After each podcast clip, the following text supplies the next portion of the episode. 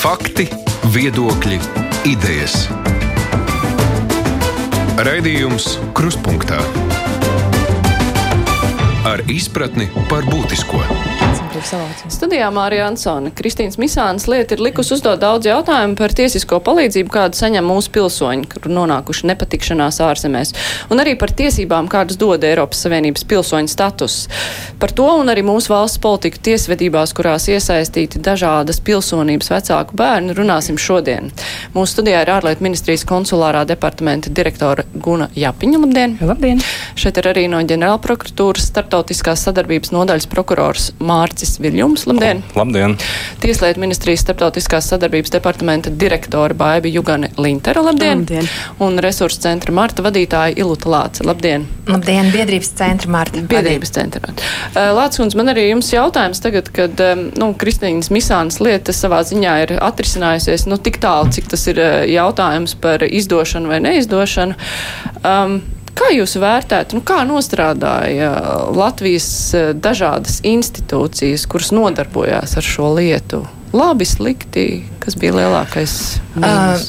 Uh, manuprāt, varēja daudz efektīvāk un ātrāk rīkoties, un tiešām jau pie, pie, pie pirmās reakcijas, kad kaut kas tāds bija, ja arī kas nonāca tiesību sargājošo institūciju redzeslokā, tiklīdz tas gadījums nonāca, es domāju, bija iespējas sanākt, sasaukt arī šīs starp institucionālās sanāksmes un domāt par efektīvākiem risinājumiem, kā tūlītē nekavējoties palīdzēt šim cilvēkam un nevis gaidīt mās, māsas kampaņu un sabiedrības solidarizēšanos šī jautājumā, lai, lai mēs patiešām palīdzētu mūsu pilsonai.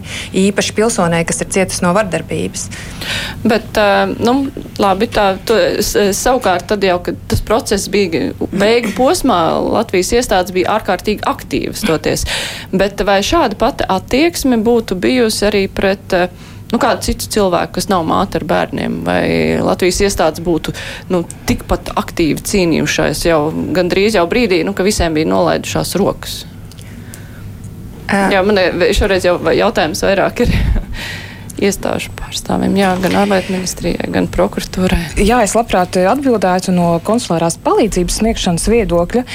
Es nevarētu piekrist tam pieņēmumam vai apgalvojumam, ka tad, kad jau gandrīz bija nolaidušās rokas un pateicoties tikai Kristīnas Misānas māsas kampaņai, Latvijas iestāde sāk darboties. Jā, no malas tā izskatījās, ka pēdējā brīdī ir tas lielais izrāviens, un tad pēdējā, vispēdējākā brīdī bija arī nepieciešamie papildus informācija informācija tika saņemta un rezultāts bija labs. Bet no um, ārlietu ministrijas um, viedokļa apgalvoju, ka um, mēs sākām savu darbu ar šo konsulārās palīdzības lietu 2018. gada 10 decembrī. 9. decembrī Kristīna Misāna tika apcietināta, mēs saņēmām informāciju, un jau 10. decembrī Latvijas vēstniecība Kopenhāgenā vērsās pie Dānijas policijas ar jautājumu, par ko tad vispār ir lieta un, un kādēļ ir apcietināta un ar ko var sazināties šajā lietā. Un visu šo laiku, tas ir patiesi vairāk nekā gads, mēs rūpīgi ne tikai sekojām šai lietai, bet arī uh, bijām klātsoši arī visās tiesas sēdēs, kas notika, un tās nebija tikai pašās beigās un uh, sniedzām konsulāro palīdzību. Nu jā, nu šajā gadījumā, protams, ir uh, nu, šie lietas apstākļi bija sarežģīti arī no tā viedokļa, ka nu, nevarēja izdot viņu likumu, nu, likumu normu dēļ viņi nevarēja uzreiz dabūt uz Latviju. Un, protams, ka tā tiesiskā palīdzība, ko sniedza tajā skaitā arī ārlietu ministrija sākumā, bija nu, vienas intensitātes, bet uh, lietas noslēgumā jau šī aktivitāte bija pilnīgi cita. Nu, tieši tāpat arī prokuratūra ļoti lielā ātrumā sagādāja šo papildus apsūdzību, lai varētu nogādāt viņu beig beigās Latvijā. Bet jautājums, vai bez šīs lielās ažiotāžas uh, iestādes būtu cīnījušās mm. tāpat nu, līdz pēdējam Jā, paldies par jautājumu. Es arī gribētu papildināt ārlietu ministrijas sniegto skaidrojumu par to, ka sabiedrība, protams, ka neuzzināja par šo lietas būtību. Tas nav iespējams, jo starptautiskās sadarbības jautājumi krimināla tiesībās netiek risināti ar sabiedrības starpniecību un iespaidieties no sabiedrības viedokļa. Prokuratūra pakļaut tikai likumam un meklē patiesību, kāds ir norādīts ar likumā par prokuratūru. Šajā gadījumā mēs uh, iesaistījāmies, pareizāk, prokuratūra iesaistījās no tā brīža, kad Dānijas uh, prokuratūra lūdza, vai mēs izdosim Eiropas apcietinājumu lēmumu kā kompetentā iestāde. Uz ko Latvija norēģēja, sakot, ka šajā gadījumā likums mums liedz to darīt, un uh, nav runa par papildus apsūdzībām vai papildus dažādiem krimināla procesa terminoloģijā runājot, mēs nevaram radīt kriminālu procesu, tāpēc, ka kādam to vajag. Tas nav iespējams. Un uh, izdošanas jautājumā ir obligāts nosacījums, ka ir nepieciešams pamatā krimināla procesa. Uh, sabiedrības acīs parādījās viens prokurors, kurš tika uztaisīts par uh, nosacītu tādu cilvēku, kurš pieņēma nepareizu lēmumu, bet viņš pieņēma atbilstoši likumam un atbilstoši tā, kā šobrīd ir noregulēts. Krimināla process tajā brīdī nebija un nebija pierādījumu, uz kā pamata vispār varētu pat izdot šo Eiropas apcietinājumu lēmumu. Nu jā, nu šajā gadījumā mūsu mērķis nav izķitāt šo lietu konkrēti, bet uh, saprast, vai attieksme pret šo lietu bija citāda, tāpēc, ka te bija iesaistīta māte ar bērniem, un tas viss ļoti plaši izskanēja. Es drīkstu mhm. piebilst, mm -hmm. mums, mūsu redzeslokā tiešām nonāk mācības ar bērniem, mācības ar bērniem, kas uh, atbēga no citām valstīm, jo, kas, kas tiek traktēts atbilstoši, acīm redzot, Hāgas konvencijai un mm. Eiropas uh, regulai, kā bērnu nolaupīšana. Jo, ja viņas ir mūsu gadījumos, kas nonāk mūsu redzeslokā, cietuši no vardarbības, viņām tuvinieki ir šeit Latvijā, viņas atrod šo iespēju izbēgt kādā mirklī, jo bieži vien arī esot tur, esot pie šī vardarbīgā vīra un šīs vardarbīgā vīra ģimenes kontrolē. Viņas meklē šo iespēju, kā, kā izbraukties, un, protams, viņas nedomā par Hāgas konvenciju vai Eiropas regulu, vai ko viņi meklē ceļu atpakaļ uz Latviju pie saviem tuviniekiem. Un šajā gadījumā, piemēram, tas, ko mēs redzam, kad šim konkrētajam vīrietim, tad acīm redzot, nekavējoties tiek nodrošināta juridiskā palīdzība, lai viņš uh, saņemtu šo te uh, atbalstu procesā par bērnu nogādāšanu atpakaļ tā saucamajā izcelsmes valstī, kur uh, skaitās, ka šie bērni dzīvo, un sieviete paliek bez darba, bez resursiem, bez dzīvokļa, bez, bez, nu, bez iztiks uh, līdzekļiem, un, un, un viņai netiek nodrošināta šī juridiskā palīdzība bezmaksas nekavējoties. Un mums ir bijuši šādi gadījumi, kad ir vienkārši šīs dažas dienas laika, un šajās dažās dienās mums ir jāpamēģina, uh, jā, jāpamēģina savākt visi iespējamie pierādījumi par to, ka tas parādītu, ka šī sieviete ir cietusi no vardarbības tajā konkrētajā valstī un ka šim bērnam ir tiesības palikt šeit Latvijā ar savu māti. Un tas ir sarežģīti, jo tas prasa dokumentu tulkošana, prasa naudu, ātrā reaģēšana prasa cilvēku resursu un juridisko palīdzību, efektīvu un tūlītēju. Un, um, tas ir, tas ir, tas ir nu, kā teikt, es domāju, šis ir tāds aspekts, ko mums valstī vajadzētu pārdomāt.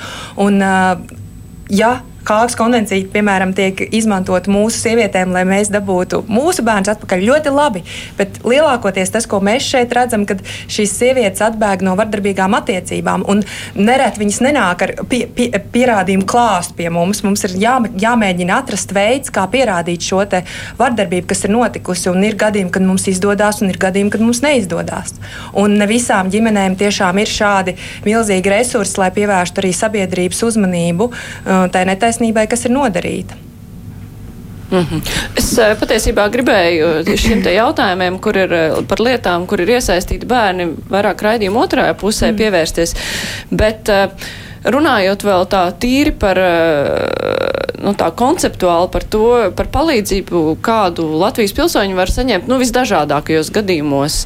Uh, nu, kas ir tas galvenais, ar ko cilvēks var rēķināties, nu, ja viņš ir nonācis kaut kādā konfliktā ar likumu citās valstīs, un no kā tas ir atkarīgs, vai tas ir atkarīgs no tā, vai šī ir Eiropas Savienības valsts, vai tā ir kāda trešā valsts, vai tā ir valsts, ar ko Latvijai ir līgums. Nu, no kā ir atkarīgs tas palīdzības apjoms, e, ko cilvēks var saņemt? Nu, droši vien man gribētos uh, pirms komentēt par to, ko mēs varam sniegt jau krīzes situācijā. Ir tas, ka Tieslietu ministrija turpina uh, strādāt preventīvi ar šiem te, uh, cilvēkiem, kas ir devušies ārpus uh, ne tikai Latvijas, bet arī Savienības uh, robežām. Mums ir jābūt atbildīgiem par katru savu soli. Ja mēs esam aizbraukuši uz valsti, kur mēs nepazīstam, mums ir jābūt atbildīgiem un ir jāiepazīstās ar situāciju, kas ir šajā valstī. Mums ir neskaitāmas valsts, ar kurām mums nav ne tiesiskās attiecības, kur nu vēl attiecības kā tādas. Nu, kā piemērs, iedomāsimies, ja mēs aizceļosim tagad uz Ziemeļkoreju. Un cik nav dzirdēti gadījumi, kad tiek prezidenta plakāts apskādēts neizteikšos kādos veidos, ja mēs nevarēsim palīdzēt. Un ar to ir jārēķinās. Ja mēs esam atnākuši ciemos citā mājā, mums ir jāievēro šīs mājas noteikumi. Tas ir pirmām kārtām. Otrām kārtām jau par sekām, kad ir kāda palīdzība, kas ir jāsniedz. Tieslietu ministrija, kā centrālā iestāde, kas strādā ar civiltiesiskās bērnu nolaupīšanas jautājumiem, mēs esam tie, kuriem mēs var zvanīt, kuriem var stāstīt situāciju, izklāstīt. Mēs iepazīsimies ar lietas materiāliem, cik mums tas, protams, ļauj, cik arī pati persona mūs pilnvaros to darīt, un mēs meklēsim šos risinājumus. Bet arī Kristīnai Misānai vajadzēja jums zvanīt, nu, ja mēs ņemam šo lietu kā piemēru, un viņa ir nonākusi kaut kādā noteiktā situācijā, nu, kā viņai vajadzēja rīkoties, lai būtu pareizi? Uh, ziniet, es teikšu pēc analoģijas, kā citas mātes dara. Viņas zvana. Šodien pat 12. dienā es saņēmu zvanu no Islandes, kur māte zvana, esmu saņēmusi prasību no Latvijas par bērnu nolaupīšanu. Ko man darīt? Ja? Tā kā ir cilvēki, kas zvana uzreiz, nekavējoties un par to runā. Otrs ir jautājums, vai cilvēks par to ir informēts, kur viņam vērsties. Ja? Tas arī ir jautājums, eh, ko mēs esam novērojuši. Ja? Kad uh, cilvēks pirmais, tas ir tīri instinktīvi, acīm redzot, cilvēks pirmais, ko viņš dara, viņš zvana mammai. Nu, ja tas ir par sievieti runa. Ja? Tātad tālāk jau mums ir zvanījušas mātes un prasījušas, kā rīkoties. Ja? Runājot par misānas gadījumu, uh, ja mēs tā drīkstam analizēt vispār lietas materiālus, mm. ja publiski, es gribētu teikt sekojošo, Tad, kad mēs saņēmām jau pieteikumu, kas bija pieņemams lietas izskatīšanai, neskatoties uz to, ka mēs saņēmām iepriekš signālus, kurus mēs nedrīkstējām nodot tālāk tiesāšanai, uh, no Misānas kundzes nebija neviena jautājuma mums. Ja? Mēs turpinājām sadarbību tikai ar pieteikumu iesniedzēju. Reālais pieteikums tiesai tika nosūtīts tikai 19. gada janvārī, kad Misāns kundze jau bija apcietināta Dānijas karalistē. Mm -hmm. ja? Lācis kundze, jūs gribējāt ko piebilst? Jā, es gribēju šīs... piebilst, ka ir varbūt dažādas situācijas un ka nevienmēr cilvēki var piezvanīt un vērsties pēc palīdzības. O, mums ir arī eh, gadījumi, kurs, ar kur par kuriem mēs sadarbojamies ar ārlietu ministriju, kur, piemēram, mūsu sievietes atrodas apcietinājumā, ja, bet viņas reāli ir cietušās, cietušās no vardarbības, no eksploatācijas. Nevienmēr ir iespēja piezvanīt, tā kā tie apstākļi var būt daudz un dažādi, un vienalga mums ir jādomā par veidu, kā mēs palīdzam šiem cilvēkiem. Jā, bet mm, jā. es gribēju papildināt, atbildu, atbildot uz jūsu jautājumu. Paldies Tieslietu ministrijai par ļoti tādu drošas ceļošanas skaidrošanu. Noteikti piebilstu ka patiesi Eiropas Savienības pilsonība ir zināma privilēģija ja tu esi Eiropas Savienībā, bet tā nav nekāda privilēģija. Faktiski, ja tu atrodies kaut kur mm. ārpus Eiropas nekāda. Savienības, iepretim tai valstī. Mm -hmm. Protams, eh, Eiropas Savienības pilsonība dot iespēju sadarboties Eiropas Savienības valstīm, kuru diplomātiskās konsulārās pārstāvniecības ir attiecīgi ārvalstī, bet iepretim pašai valstī, ja nav noslēgti nekādi divpusēji mm. līgumi, tev ir pilnībā jārespektē attiecīgās valsts uh, likumi un, un, un, un noteikumi. Uh, kopumā 19. gadā um, ārvalstīs ir aizturēti 287 Latvijas valsts piedrīgie. Un tās nav tikai mammas ar bērniem. Es domāju, ka patiesībā mammas ar bērniem ir ļoti nenozīmīgs skaits šajā visā uh, kopējā īpatsvarā. Un no šiem 287, 50, 52 personas ir aizturētas trešajās valstīs. Un tās nav visai tikai eksotiskas valsts. Visvairāk aizturēto ir eh, Krievijā, eh, Baltkrievijā, un, un tad jau faktiski seko eh, ļoti gara virknē dažādu um, citu kontinentu valstu. Un savukārt um, šogad uh, līdz 6. Uh, martam trešajās valstīs ārpus Eiropas Savienības jau ir aizturēti 16 Latvijas valsts piedrīgie. Tas patiesībā ir ļoti liels cipars. Mm. Un tāpēc arī no savas puses aicinu šo likt aiz auss. Mēs nevarēsim jūs izcelt, ja jūs esat pārkāpis tās valsts likumu. Mēs varam apelēt pie tā un, un rūpēties, un tas ir arī konsulārā dienesta tiešais uzdevums, rūpēties, lai jums būtu advokāts un lai jūs saprastu tiesvedības valodu. Tas nozīmē, lai būtu tūks vienlaikus jums saskaņā ar Vīnas konvenciju par konsulāriem sakariem, kuras da dalībais skaits, kas ir pievienojies šai konvencijai, ir gandrīz lielāks nekā Vīnas konvencija par diplomātiskiem sakariem, jo konsulārie kontakti ir tāda nu, visiem cilvēkiem visā pasaulē saprotama un vajadzīga lieta. Un saskaņā ar šo Vīnas konvenciju par konsulāriem sakariem, tai valstī, kurā persona tiek aizturēta, ir jāpiedāvā, jāinformē persona, ka viņai ir tiesības informēt savu diplomātu, savas valsts, savas pilsonības valsts, valsts piedarības valsts pārstāvniecību. Pilnībā apzināmies, ka, ka iespējams tas ir tikai viens zvans, un varbūt arī tā, ka tajā valstī nav Latvijas vēstniecības. Mm. Tāpēc izmantošu iespēju tomēr pareklamēt e, konsulārā departamenta diennakts dežūru tālruni tieši ārkārtas situācijām, kas tostarp ir izmantojams arī šādās situācijās. Un šis telefons ir 00371 26 33 711. Un to arī ministrijas mājaslapā noteikti redzēt. Tas ir mūsu reklāmas. Bet, eh, bet Jā, ja jūs varētu noprecizēt par tiem 287 cilvēkiem, tie ir tie, kuri ir vērsušies tad Latvijas vēstniecībās, pārstāvniecībās vai arī ar kādas, ar ko mums ir sadarbība vēstniecībās, nu, kuri paši vērsušies pēc palīdzības. Vai ir nojausma, cik varētu būt cilvēki, kur nevēršas? Ļoti pareizi, tie patiesi ir tikai tie, par kuriem mēs zinām. Tas nozīmē, vai nu valstis pašas ir pateikušas, ja viņām ir, ir šādi iekšēji noteikumi, ka viņiem obligāti ir jāinformē eh, personas vai valsts piedarības valsts, vai par kuriem mēs uzzinām, jo personas pašas tā ir vēlējušās. Um, jāatzīst, ka valstis ļoti dažādi īsteno šo savu manis iepriekš pieminēto pienākumu.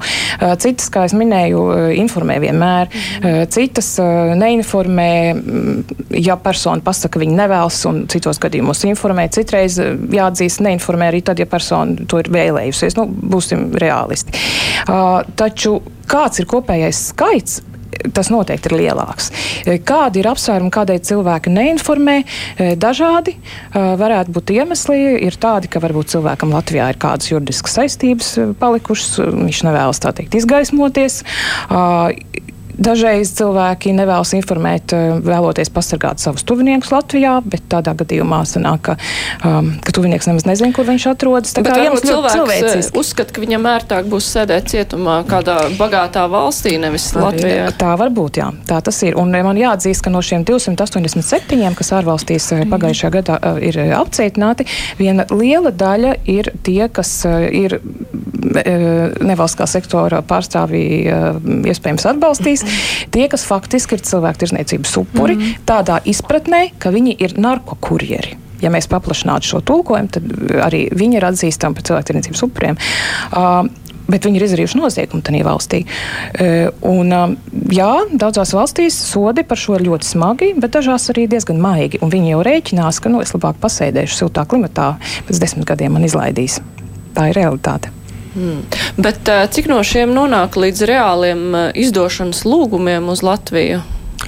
Te nevar runāt par izdošanas lūgumiem. Šajā gadījumā ir runa par to, ka cilvēks aizbrauc uz to valsti, mm -hmm. un viņš tur tiek aizturēts. Tajā valstī notiek krimināla process, nu, pareizāk veikt izmeklēšanu, un tad nav absolūti nekāda pamata pārņemt. Nu, faktiski var runāt tikai par tieslietu ministrijas kompetenci, tas ir notiesātās personas nodošana, kas arī nu, tādā ļoti vien, vienkāršotā izpratnē liekas, ka mēs varam savu pilsoni no jebkuras valsts paņemt, viņš turpina sodu izciest Latvijā, bet apakšā absolūti visur ir līgumi, ir savstarpējā sadarbība, daudzas valsts nemaz nevēlas pat sadarboties pat tajā līmenī. Pat ja saka, ka tas ir mūsu pilsonis, viņš vēlas izciest sodu Latvijā, ja mums nav divpusējais līgums, tad valsts var pateikt, atvainojiet, viņš paliks pie mums, un mēs jums nenodosim.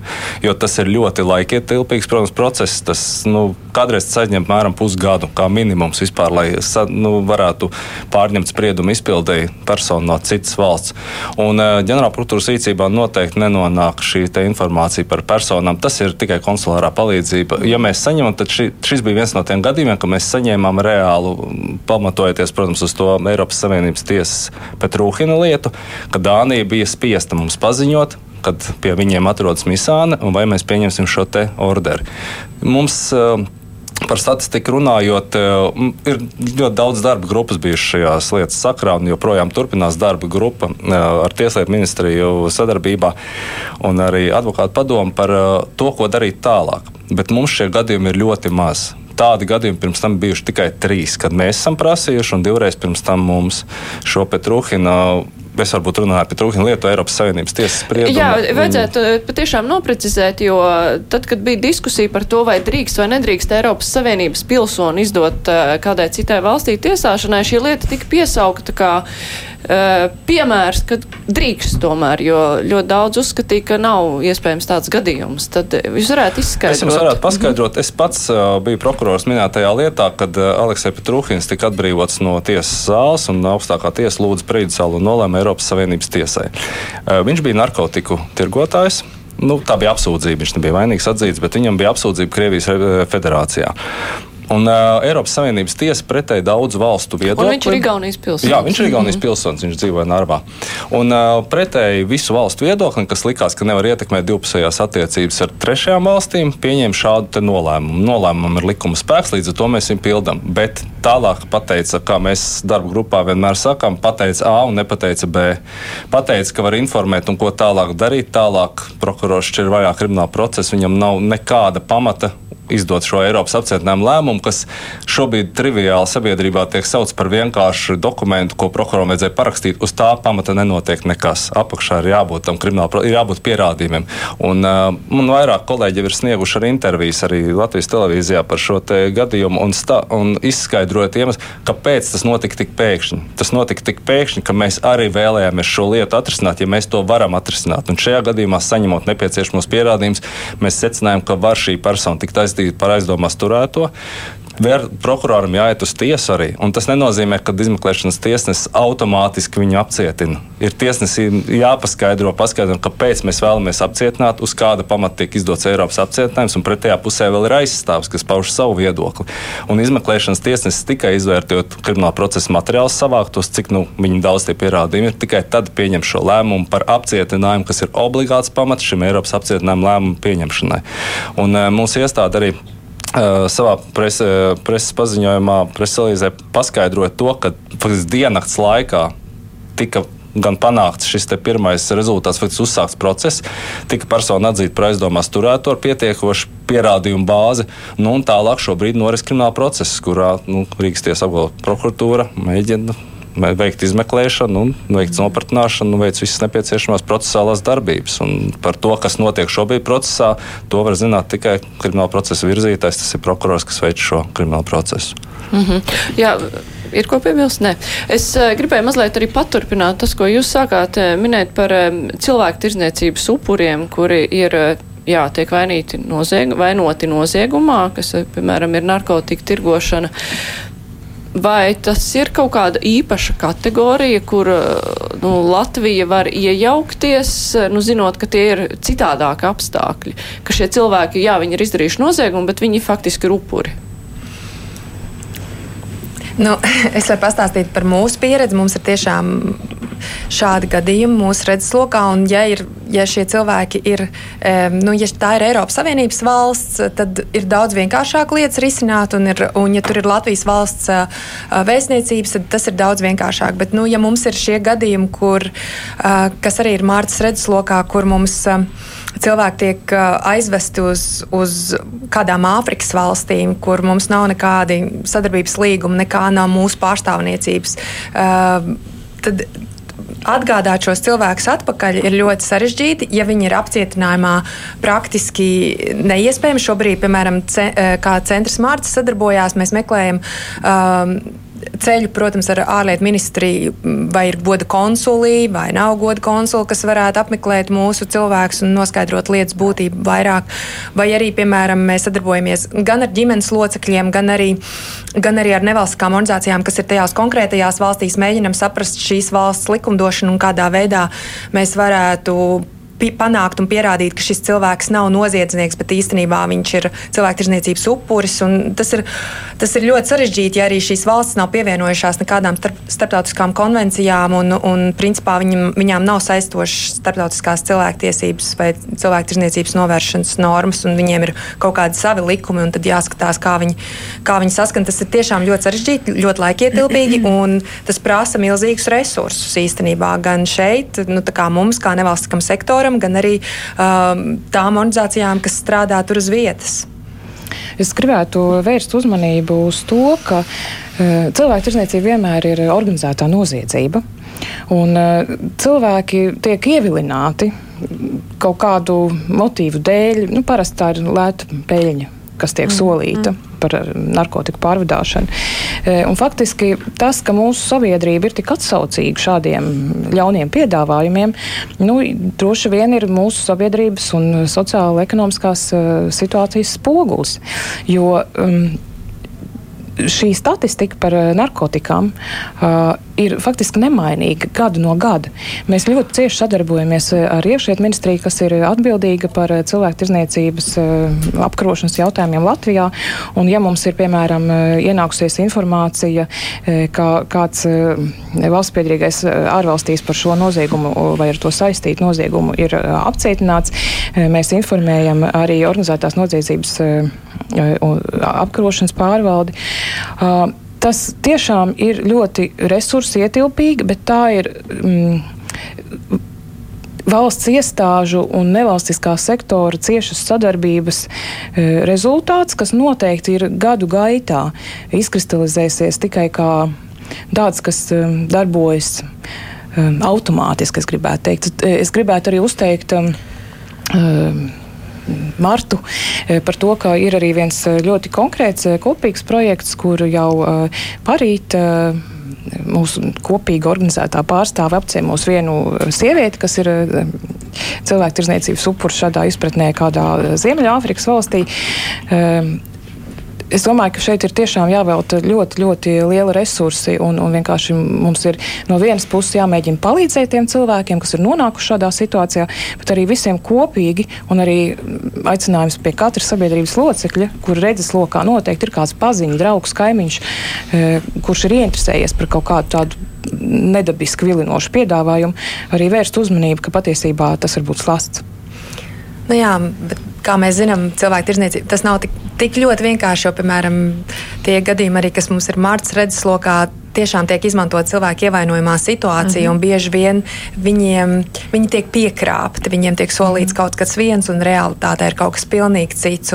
Bieži vien viņi pat nezina, kad viņi nonāks vispirms seksuālā eksploatācijā, pēc tam viņi nonāks kļūs par uh, narkotiku tirgotājiem, un, un, un kad tur būs visa buķeta, kā šos cilvēkus kontrolēt, ietekmēt, un, un beigās tu, tas cilvēks ir vienkārši noziedznieks kādas noteiktas valsts acīs. Nu jā, es arī noteikti paturpināšu kolēģi teikto. Tas ir, tas ir ārkārtīgs preventīvais darbs. Tas ir darbs ar ģimenēm, darbs ar, ar, ar, ar, ar skolām, jau no mazām dienām stāstīt uh, bērniem.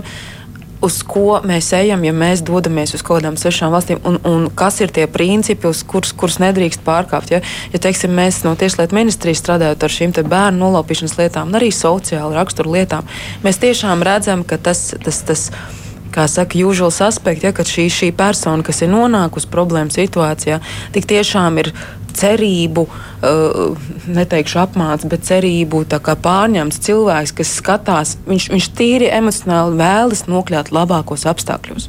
Bet mēs tāpat nevaram paļauties uz to, ka preventīvais darbs izdarīs visu. Mm -hmm. Mēs nevaram, bet mums ir jāstrādā. Jāstrādā, jārunā, jā, jārunā, bet, jārunā. bet realitātē, nu, es nezinu, kad var pienākt tāda laika, kad visi sapratīs, ka tā nevajag darīt.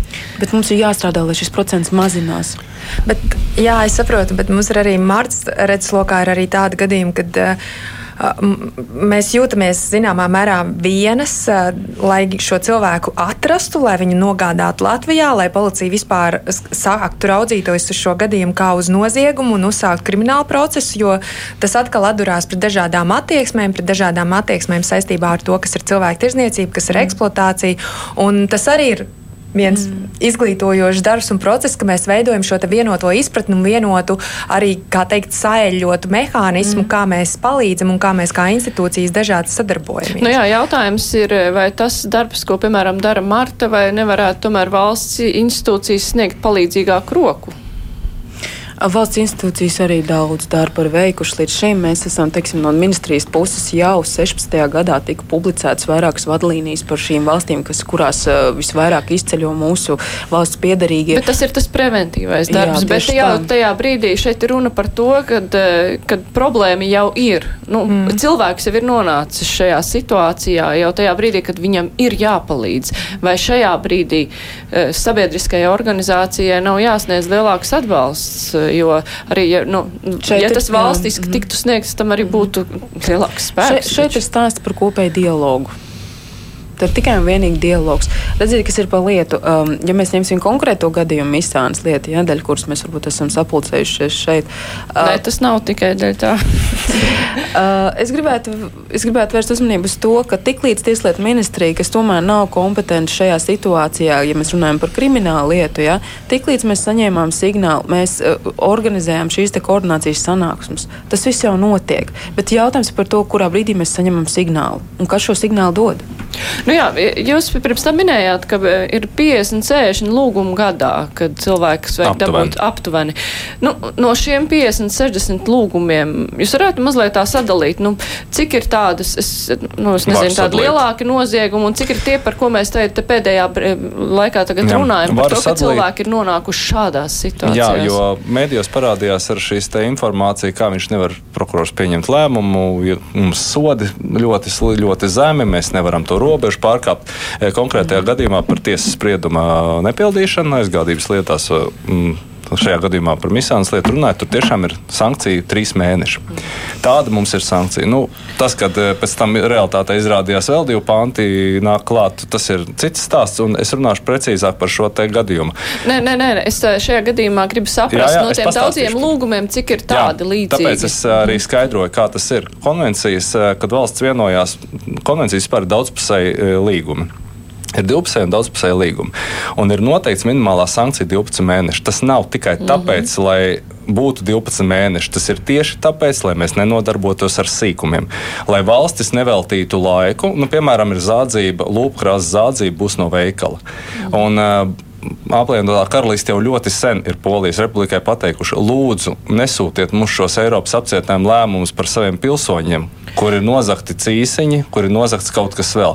Visi noziedzīgie nodarījumi, ko mēs prasām, arī ir, tiek dots izvērtējums. Nu jā, nu jūs ar sīkumiem tādiem nenodarbojaties, nav... bet, bet tas jautājums bija, cik daudz no šīm lietām ir tādas, un par ko mēs tagad runājam, ka, piemēram, cilvēks ir par narkotikām kaut kur uh, cietumā, un, bet īstenībā viņš ir uh, cilvēku tirzniecības upurs, par ko ir aizdomas par šo jautājumu. Tas ir ļoti, tas nav nemaz tik viennozīmīgs jautājums, jo tajā šajā gadījumā viņš atrodas ieslodzījuma vietā ārvalstīs. Mums krimināla procesa nav. Mēs iesaistamies, nu, krimināla ģenerāla prokuratūra vai prokuratūra vai mm -hmm. policija vispār iesaistās kā tāda tikai tad, ja ir iesniegums ar lūgumu, piemēram, no tās valsts pārņem, bet vienkārši citas valsts krimināla procesā mums nav tiesiska pamata.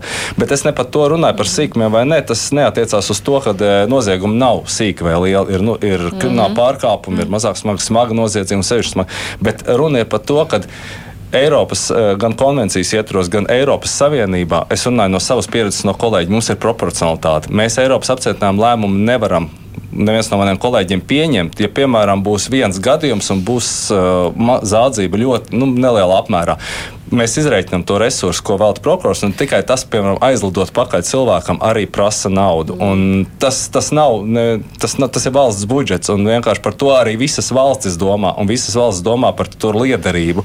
Jo mēs prasām cilvēku izdot, tad mums ir nepieciešams tomēr rēķināt, cik tas apmēram izmaksā. Nē, tas, tas arī ir skaidrs. Labi, es atgādināšu klausītājiem un skatītājiem, ka šodien mūsu studijā ir no ārlietu ministrijas Guna Japiņa, no ģenerāla prokuratūras Mārcis Viļums, no tieslietu ministrijas Baiba Jugana Linter un no biedrības Mārta Iluta Lāce. Raidījums Krustpunktā. Jā, es šeit gribēju turpināt, jo mēs nonācām pie tāda svarīga brīža, tad kurā brīdī cilvēks, kuram ir šīs nepatikšanas ārzemēs, kurā brīdī tad viņš var saņemt šo palīdzību. Jo tas, ko jūs runājat, karām, kamēr pret cilvēku tiek izskatīta kaut kāda lieta, pret viņu ir apsūdzība, un nu, tad ir jāskatās, vai, tās, vai tā apsūdzība ir par kaut ko tādu, kur mēs varam piespriest vairāk nekā gadu. Tas ir skaidrs. Bet, Šajā gadījumā Ilūta Lācis runāja par gadījumiem, kad cilvēks jau ir nonācis, piemēram, cietumā un uh, viņam nav iespējas, uh, nu, viņš pats ar saviem resursiem arī neko īsti nevar izdarīt. Tad jautājums, ko valsts palīdz šādās situācijās? Vai tad jau ir par vēlu? Pašā sākumā, tad, kad uh, tiek saņemta informācija, ka persona ārvalstīs ir apcietināta, tad ir tātad divi galvenie jautājumi, ko mēs, kā konsulārais dienests, uzdodam attiecīgajai valstī, vai respektīvi bieži vien pašam cilvēkam, ja, viņš, ja viņam ir iespēja, un viņš ar mums ir sazinājies. Kā es minēju, pirmais, vai viņam ir aizstāvis, respektīvi advokāts, e, un otrs, vai viņš saprot tiesvedības valodu, respektīvi, vai ir tūks. Nu, nebūsim naivi, Šrilankā latviešu valodu tūku nav, knapi dabūjām radošiem risinājumiem kādu, kas uh, krieviski uh, tulko. Mm. Uh, bet šie ir tie divi uh, galvenie pamata postulāti, uh, kas visā pasaulē tiek saprasti kā, kā nepieciešama, lai pret attiecīgo personu nebūtu diskriminējošas attieksmes. Um, tālāk notiek tiesas process, kurā persona tiek vai notiesāta vai attaisnota. Ja tā tiek notiesāta, tad ir jautājums, vai tā vēlas izciest sodu Latvijā. Ja šāds lūgums e, tiek saņemts, tad mēs to nododam tālāk e, Tieslietu ministrijai, bet es varu no sirds apgalvot, ka tādu gadījumu ir ļoti maz. Tostarp arī par mūsu e, valsts piedarīgiem, kas ir ārvalstīs notiesāti un kuriem ir stājies spēkā spriedums par narkotiku kontrabandu. Um, Tāpat, kā jau šeit kolēģi izklāstīja, pastāv iespēja vēl pirms, protams, tiesaspriedums ir stājies spēkā, runāt atsevišķos gadījumos, ja pastāv noteikti līguma tiesiska bāze, arī par krimināllietas pārņemšanu. Bet man prātā nav neviena pēdējos gados lieta, kur tas būtu noticis. Tā kā principā tā ģenerālā līnija ir tiešām atkārtojam no jauna un no jauna. Ja esi ārvalstīs, nepārkāp likumu. Mēs, jā, tas, tas tā nav nekāda teiksim, atrunāšanās, lai, lai, lai nepievērstu uzmanību cilvēku tirdzniecības jautājumiem, gluži otrādi. Bet, ja tu esi ārvalstīs, tad tu ne, nevari teiksim, cerēt, ka tevi kā Eiropas Savienības vai Latvijas pilsoni attaisnos tikai tādēļ, ka tu esi Eiropas Savienības pilsonis vai, vai, vai, vai esi tapis ievilināts šajā tiešām ļoti traģiskajā situācijā. Mēs nevaram nodrošināt labvēlīgākus apstākļus nekā tie ir citu valstu pilsoņiem tajā vietā. Nu, jā, es gribētu arī pieminēt, ja, ka uh, mums kā iestādēm tomēr katram ir tā sava kompetences robeža. Ja. Es varbūt tās bišķiņi ieskicēšu klausītājiem, ja, kad uh, tikko ir uh, izmeklēšana krimināla procesa stadijā, un tā ir policija. Tikko tā jau ir apsūdzības celšana, tā ir prokuratūra starptautiskajā sadarbībā, tā būs ģenerāla prokuratūra. Tikko ir tiesvedības stadija, vai arī persona jau ir notiesāta, tā ir tieslietu ministrija. Ja? Tā kā mums katram ir tās rīcības robežas, ko mēs varam darīt šajā situācijā. Kā jau Jāpiņas kundze minēja, ja ir šī krīzes situācija un persona ir apcietināta, jā, tas arī, ko mēs iesakām, ir lūdzu meklēt aizstāvi. Ja? Tad, tad aizstāvs pilda šīs aizstāvības funkcijas, un aizstāvs var tātad nokoordinēt konkrētajā valstī, kā rīkoties.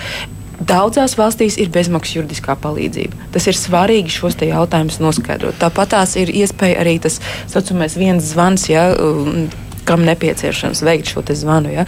Kā jau Guna teica, aizstāvis un tulks. Tās ir tās lietas, kas ir vajadzīgas, lai saprastu, vispār, kādā situācijā esam nonākuši. Un aizstāvju pie, teikt, pieaicināšana un nodrošināšana tas ir arī ļoti svarīgs punkts. Es gribētu papildināt, ir valstis, ja mēs runājam par visu plašo pasauli, ja, un redzam, kur tiek mūsu valsts piedarīgie nav apcietināti un, un, un neizcieš sodus. Ir, protams, valstis, kas nu, ļoti voluntāri tulko savus pienākumus, ja, vai piedāvā tādu advokātu, nu, kas, maigi sakot, nav ieinteresēts, soties no valsts, soties bez maksas. Un šādās uh, situācijās, ja teiksim, tas netiek nodrošināts vai cilvēks to nevēlas, uh, turpmāk izmantot šī bezmaksas slikta advokāta pakalpojums, tad uh, mēs informējam arī tuviniekus un, un ir iespējams algot arī pašiem par savu naudu. Nu, jāsaka, tur tiešām Latvijas valsts, gluži tāpat kā visas citas valsts pasaulē, nealgo par valsts līdzekļiem maksas advokātus, bet katrā ziņā piedarīgajiem ir iespēja šādu iespēju izmantot izmantot. Un mūsu pienākums, un to mēs arī pildām, mēs piedāvājam, mēs nesniedzam pašu juridisko palīdzību. Mēs, mēs neesam attiecīgās valsts advokāti, un attiecīgā valsts mums par tādiem nav atzinusi, bet mēs piedāvājam cilvēkiem tanī valstī, tanīs jautājumos praktizējušu advokātu sarakstu izvēlēji. Mm -hmm. Jā, bet es tomēr vēl gribēju paspēt runāt par vienu problēmu veidu, kur arī Latvijas sievietes uh, daudz, pietiekoši daudz ir nonākušas. Tās ir šīs te fiktīvās laulības ar uh, kādas trešās valsts pilsoņiem, lai iegūtu Eiropas Savienības pilsonību. Un, nu, tas parasti bieži ir noticis, teiksim, Lielbritānijā, Īrijā, nu citās valstīs, kas nav Latvija. Un tur dzimst bērni, un pēc tam, kad sieviete ir sapratusi, ka viņa ir iekūlusies, un tad viņa ir nonākusi bezizējā. Jums ir zināmi, apmēram cik daudz tādu gadījumu pēc tam nonāk līdz Latvijai? Es, es šobrīd nevaru paloģi... pateikt mm -hmm. konkrētu ciparu, ne. uh, bet es varu minēt, ka tādu gadījumu mums ir, un mums ir tiešām daudz dažādas valsts, gan šeit Eiropas Savienības valsts, gan Ziemeļvalstis, gan arī uh, valstis, kas ir ārpus Eiropas Savienības. Un, uh, es, es tiešām gribētu izmantot iespēju un un, un, un, pateikt to, ka, protams, nevienmēr ir iespēja. Uh, kontrol, būt kontrolē pār savu dzīvi. Ja, ta, ja ir cilvēki, kas tev pakļauj, ietekmē un uh, moka un spīdzina, bet maksimāli tas, ko mēs kā Mārta iesakām, maksimāli vākt visa veida pierādījumus, maksimāli vākt un runāt, nu, vai uzrunāt, vai redzēt, kurās institūcijās varbūt kāds ir redzējis. Uh, nu, kas tās liecības, nu, piemēram, ja tu esi bijis baseinā ar saviem bērniem un tavs ķermenis ir zilumos, tad, tad ir zināms, ka mēs varam no baseina, piemēram, prasīt kaut kādu liecību. Ja tu esi bijis pie ārsta vai, vai kā savādāk un tev ir bijuši lausti kauli vai, vai, kas, vai kas, kas liecina par to, ka ir bijusi pret tevi vērsta vardarbība, maksimāli vākt šāda veida visus pierādījumus, lai, lai tajā brīdī, kad ir izdevies atbēgt uz Latviju, uh, tad ir iespējams nu, pierādīt, ka tas cilvēks ir bijis pret tevi vardarbīgs un, un ka bērni nav nolaupīti, bet ka principā ir meklēta šī aizsardzība uh, un patveršanās iespēja to mēs ļoti silti iesakām. Un vēl viena lieta, ko mēs silti iesakām,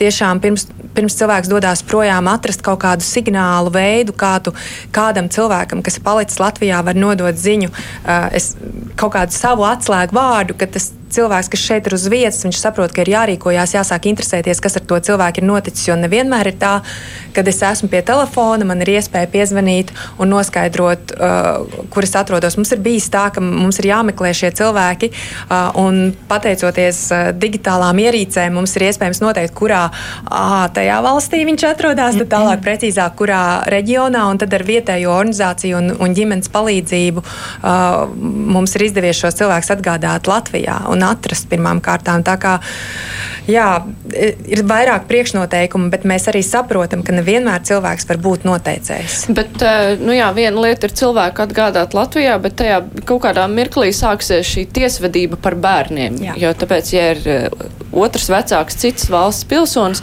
un parasti nu, ir tā cerība, ka, nu, ja es esmu Latvijā, ka varbūt Latvija vairāk pacīnīsies tieši par manām tiesībām, jo, nu, bieži vien ir tā, ka ir noteikti citā valstī un uh, tiesa, un ir otrs vecāks, otrs valsts pilsonis, nu, tiesa tā kā pozitīvāk skatās uz šo otru vecāku, un tad cerība ir mazāka. Savukārt par Latviju ir bijušas sūdzības, ka arī tās tiesas savukārt pieņem lēmumus, uh, pēc tam šos bērnus atdot tam otram vecākam un, uh, ir bijušas arī. Nu, Stā, protams, es tā personīgi pārbaudīt nevaru, bet nu, stāsti jā, ar diezgan dramatiskām mm. bērnu savākšanām, un, kas ir faktiski, nu, jā, varbūt likums ir kaut kā izpildīts, bet trauma bērnam ir nodarīta. Kāda ir mūsu politika tad, ja mums ir jādomā par bērna nākotni? Es gribētu teikt, ka mūsu politika vienmēr ir bijusi ir un būs bērna labākās intereses. Mēs nekad nespriedīsim, vai tā ir māte, ir Latvijas pilsone vai tēvs ir Latvijas pilsonis. Bērna labākās intereses. Un saskaņā ar šīm interesēm arī Latvijas tiesa pieņems lēmumu, vai bērna labākajās interesēs ir atgriezties uz valsti, no kuras viņš ir atvests, vai bērna labākajās interesēs ir palikt šajā valstī, uz kuru viņš ir atvests. Un to jau vērtē, kā jau Resursa un Marta kolēģi teica. Uh, viņi dara. Es, es, es teikšu jums lielu paldies, ja, kad uh, māca tātad pusēm vākt pierādījumus. Un tikai un vienīgi uz pierādījumu pamata mēs varam secināt, vai ir bijusi vardarbība, vai ir bijusi emocionāla vai, vai fiziska vardarbība, vai cita apstākļa, uz kuru pamata tiesa jau var pieņemt lēmumu. Nē, bērnu mēs nevaram atgriezt atpakaļ valstī, no kuras viņš ir atvests. Tātad šī pierādījuma vākšanas uh, loma ir ļoti milzīga jebkurā tiesvedības procesā. Mēs arī saprotam, ka krīzes situācijās sievietes labākās interesēs ir nu, droši vien doties projām no tās vietas, kur šī krīze ir notikusi. Bet jā, tie ir tie pierādījumi, jo mums ir bijuši tik daudz gadījumu, kad vienkārši puses viens otru apmelo. Bet, uh, tomēr runājot par uh, to bērnu labākās intereses, tas, uh, protams, ļoti skaisti skan, bet kā tas tiek novērtēts? Jo varbūt viens vecāks bagātāks, otrs varbūt nabagāks. Vai tā bagātība, nu, turības līmenis ir tas, kas nosaka šīs intereses? Vai kāds vērtē tīri psiholoģiski nu, bērna sajūtas piesaisti vienam vai otram vecākam? Nu, kā tas vispār tiek, kā tiek vākta šī informācija, izējot no kuras tiek noteikts, kas ir bērnu labākās intereses? Intereses. Tā ir pilnīgi tiesas kompetence, un tiesa attiecīgi saskaņā ar civil procesu likumu arī vērtē šos kritērijus. Tas var būt gan piesaiste tēvam vai piesaiste mātei, tā var būt gan uh, kāds ir bērnam nodrošinājums, gan emocionālais, gan, teiksim, tas materiālais. Šis ir katrā atsevišķā lietā ir savs risinājums. Bet, nu, tiesai tiek piegādāta informācija. Tiesa pati jau nestaigā apkārt un nevāc. Tad, Protams, šis ir sacīksts princips, kas ir mm. civil procesā iedibināts, un tas ir atkarīgs no pierādījuma pierādījumu kopumu. Nu jā, un redziet, ja mēs skatāmies uz cietušajām sievietēm, tad viņas ir nelīdzvērtīgākā pozīcijā. Un nelīdzvērtīgākā pozīcijā arī tad, kad viņas nonāk Latvijā un viņām ir šis īsais laiks, un viņām ir jānodrošina šie pierādījumi, par kuriem viņas visbiežāk arī nav domājuši līdz tam, tad tas, ko mēs kā valsts varētu darīt, tomēr nodrošināt nekavējoties arī viņai šo juristu un, un palīdzību. Bet šobrīd tas tiek nodrošināts tai pusē, no, kur, no kuras ir. Varbūt informācija nav pietiekoša jebkurai personai, kura vēršas valsts, pēc valsts juridiskās palīdzības, tad juridiskās palīdzības administrācijā tas ir. Prasa tātad, laiku nu, jebkurai personai prasa laiku iegūt aizstāvu juridisko. Nu, mēs tā nevaram izdalīt. Ja. Tātad ir juridiskās palīdzības administrācija, ir savas procedūras, saskaņā ar kurām tu vari iegūt šo bezmaksas juridisko palīdzību. Un tas tiek nodrošināts. Bet šis laika faktors tomēr, es saprotu, ka jā, nu, formāli var rīkoties tā kā formāli tas ir paredzēts, bet vai tas nav jāņem vērā? Nu, bieži vien tiešām ir jārīkojas ātri. Vai, nu, nevar kaut kā rīkoties kā ārkārtas situācijā. Nu, es nezinu. Jo arī Kristīnas Misānas gadījumā nu, tur bija pēkšņi redzams, ka visi tiešām darbojās ārpus uh, varbūt saviem ikdienas pienākumiem un, jā, un panāca savu. Nu, katrs gadījums, kā jau es minēju, katrs gadījums ir atsevišķs. Ja? Tas, tas tā, tā nebūs noteikti vienota formula. Ja, ja mēs redzam, vienā situācijā ir, ir klaja vardarbība, otrā situācijā varbūt pavisam citi apstākļi. Es varu pastāstīt no savas, eh, tā, ja runā par misāns lietu, par cik eh, tur tomēr tika pielikt, pielikts roka no prokuratūras puses, par cik arī bija no mūsu puses uzsākts process un pat izveidot šis Eiropas apcietinājuma lēmums pieņemts, tad es varu pateikt to, ka prokuratūra dara ļoti li daudzas lietas ļoti ātri. Un es varu teikt ļoti daudzus piemērus no savas prakses, kad tiek veikts izdošanas ļoti lielā ātrumā.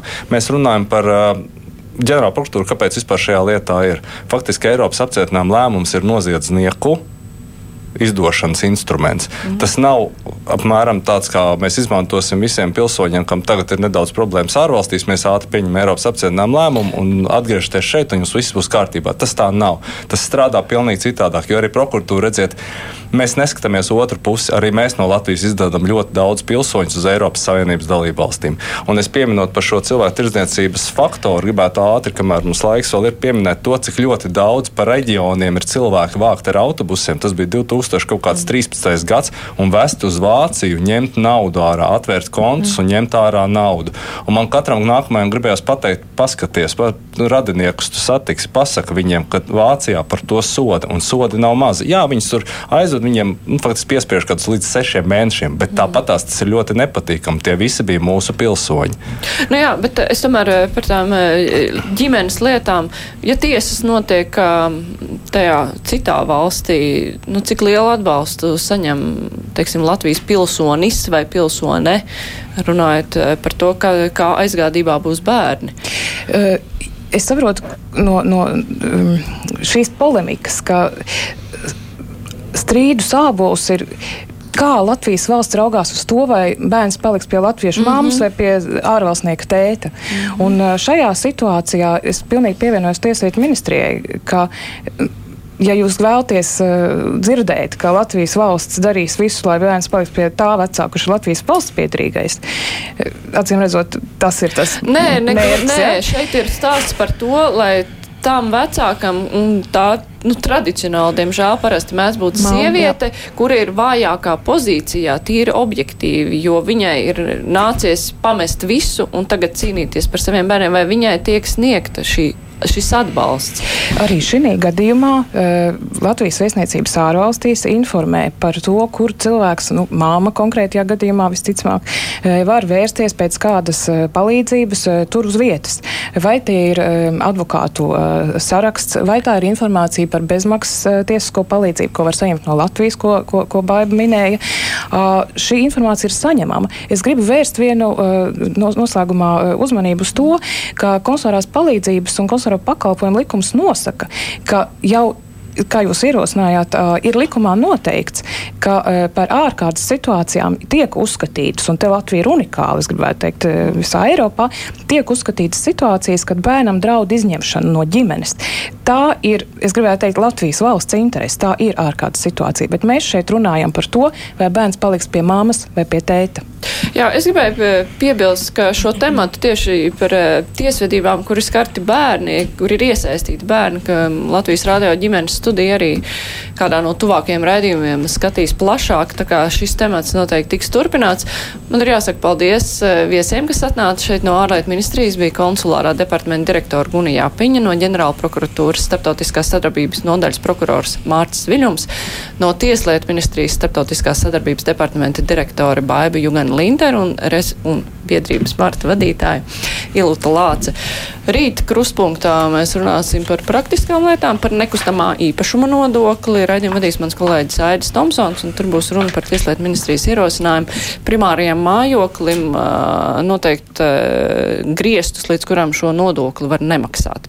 Raidījums ar to arī izskan, to producēja Evi Junām un Ieva Zēze. Studijā bija Mārija Jansona. Visu labu! Fakti, viedokļi, idejas.